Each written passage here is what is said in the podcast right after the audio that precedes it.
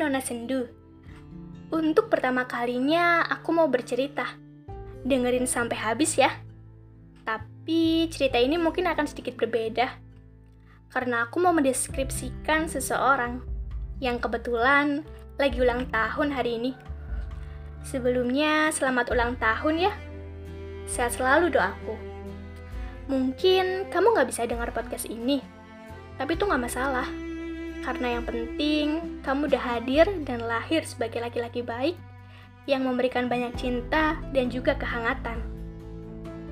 Pemilik gamis smile, penyuka bola basket, produser musik yang hobinya tidur, dan mirip sama kucing.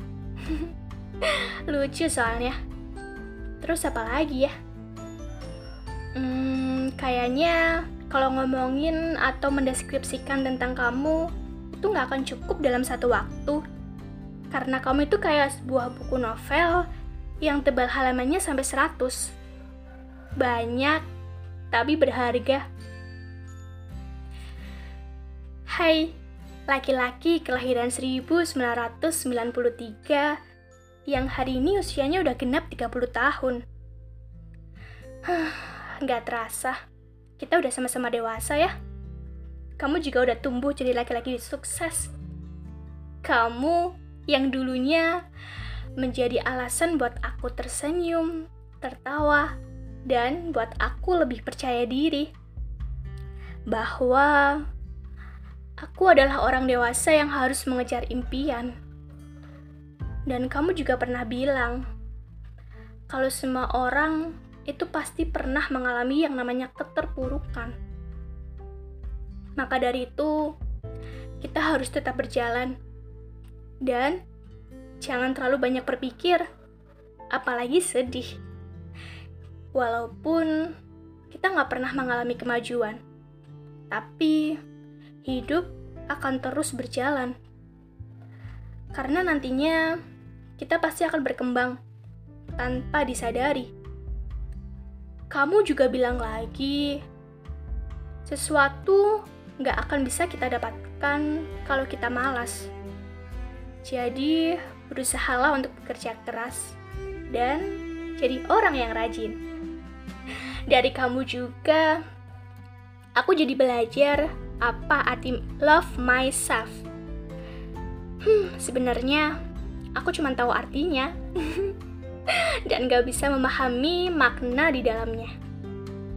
Berkat kamu, aku jadi paham kalau aku ternyata belum bisa mencintai diri sendiri dan sering minder, bahkan iri sama keberhasilan orang lain. Tapi setelah itu aku jadi tahu kalau semua orang memang harus mencintai diri sendiri. Nggak cuma aku ataupun kamu.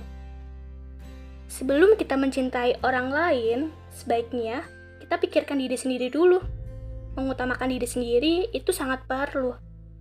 Karena gak semua di dunia itu tentang orang lain terus. Dari banyaknya perjalanan, perjuangan, sampai semuanya yang udah kamu korbankan, hmm, aku salut sih. Salut banget. Kalau bisa ketemu nih, mungkin aku akan kasih dua ibu jari ke kamu. Sambil bilang, kamu hebat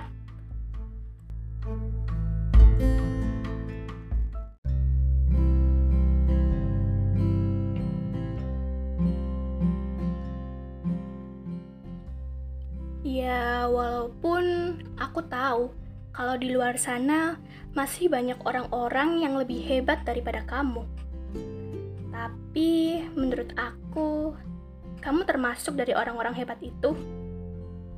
Kamu bisa menyempurnakan kehidupan banyak orang, sekaligus menjadi penyemangat buat orang yang mengenal kamu. Aku nggak tahu lagi deh, kenapa aku bisa sebahagia itu kalau lagi cerita tentang kamu. Dan aku juga nggak tahu alasan apa yang bisa buat aku bertahan sama kamu. Karena dari awal aku kenal kamu, aku udah langsung bahagia. Kamu yang menjadi awal sekaligus akhir. Ah, mungkin ini terdengar berlebihan, tapi jujur aku bersyukur banget bisa kenal walaupun gak bisa dekat. kita berjarak jauh, tapi kita masih bisa saling meresahkan satu sama lain. Bayangin aja, kalau aku lihat kamu update di sosial media, aku udah sebahagia itu, sampai nggak bisa berhenti ketawa. Sehat-sehat ya di sana. Aku cuma mau kamu sehat dan sisakan waktu buat istirahat. Jangan kerja terus. Kalau sakit, habis itu nggak bisa bahagiain anak orang lagi. Gimana? Terima kasih buat semua kebahagiaan yang udah kamu kasih tanpa sadar. Iya. Karena diam-diam kamu udah buat aku bahagia. Dari tingkah lucu kamu sampai tingkah menyebalkan. Tapi aku suka. Ah. Jadi sedih. Kalau ingat kamu itu kayak ingat kenangan indah dan gak bisa dilupakan. Kamu itu kayak gula, manis banget, sampai aku takut kalau kamu bakalan diambil sama semut-semut nakal. Tapi kayaknya gak mungkin orang kamu sama semut aji besaran kamu. kalau misalkan nanti ada semut yang deketin, kamu keluarin pedang Agusti aja ya, supaya semutnya takut dan lari pergi. Semoga kamu baik-baik aja. Karena cuman itu yang bisa aku harapkan buat kamu di sana. Jangan lupa tidur, makan, dan nafas ya. Jangan lupa juga buat lagu dan comeback sama anggota kamu biar aku nggak kangen dan nggak mikirin kamu terus kayaknya cuman itu yang bisa aku deskripsikan tentang kamu hmm. masih ada lagi sih kamu itu kulitnya putih banget mirip sama kertas jadi aku nggak bisa bedain mana kertas, mana kamu. Kalau kertas itu kan buat ditulis. Kalau kamu buat apa ya? Ah, ya bedanya kamu sama kertas. Kalau kertas itu buat menyimpan tulisan, tapi kalau kamu buat menyimpan kebahagiaan. Apaan sih? Garing banget. Oke, kita lanjut. Sampai mana ya tadi? Hmm. Oh. Iya, tentang kamu. Kamu itu dulu perutnya buncit. Dan sekarang udah lumayan lurus. Mungkin sering nge Eh, tapi masih lurusan jalan tol sih daripada perut kamu. Intinya, kamu itu kebahagiaan. ya, kamu memang sumber kebahagiaan.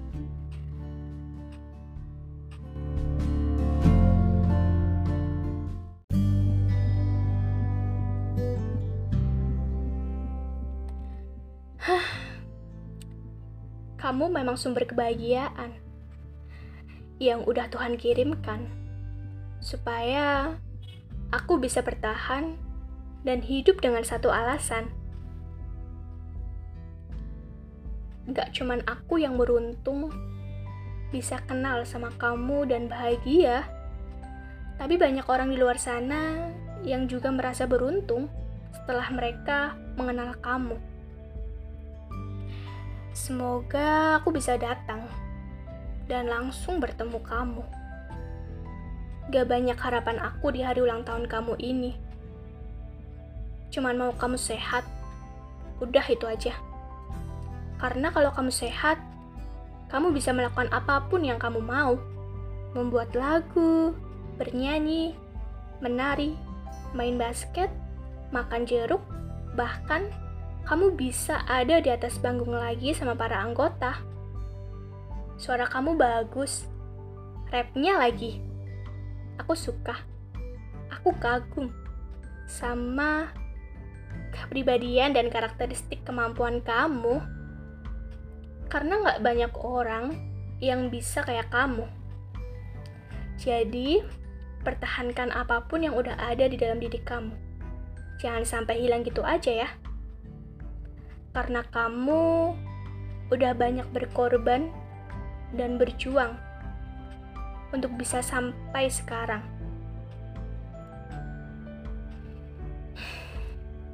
Min Yonggi, jangan lupa bahagia. Aku sebut nama kamu di akhir supaya mereka yang dengar podcast ini penasaran. Kayak waktu aku dulu, penasaran sama kamu yang akhirnya aku jadi pengagummu, penggemarmu, dan menjadikan kamu satu-satunya alasan buat aku tertawa, sekaligus sumber kebahagiaan. Secepat itu, waktu berlalu ya Tuan Min. Jadilah yang terbaik di setiap perjalananmu. Walaupun kamu pernah mengalami kegagalan, seenggaknya kamu akan berhasil dan meraih kemenangan di masa depan. Min Yonggi, ah, tapi aku lebih suka panggil kamu Suga. Atau Koceng. Ah, maksud aku kucing. Ya, karena kamu mirip sama kucing. Lagi pula aku juga suka banget sama kucing lucu, dan mengemaskan. Hah, apa pun itu, aku sangat berterima kasih buat kamu.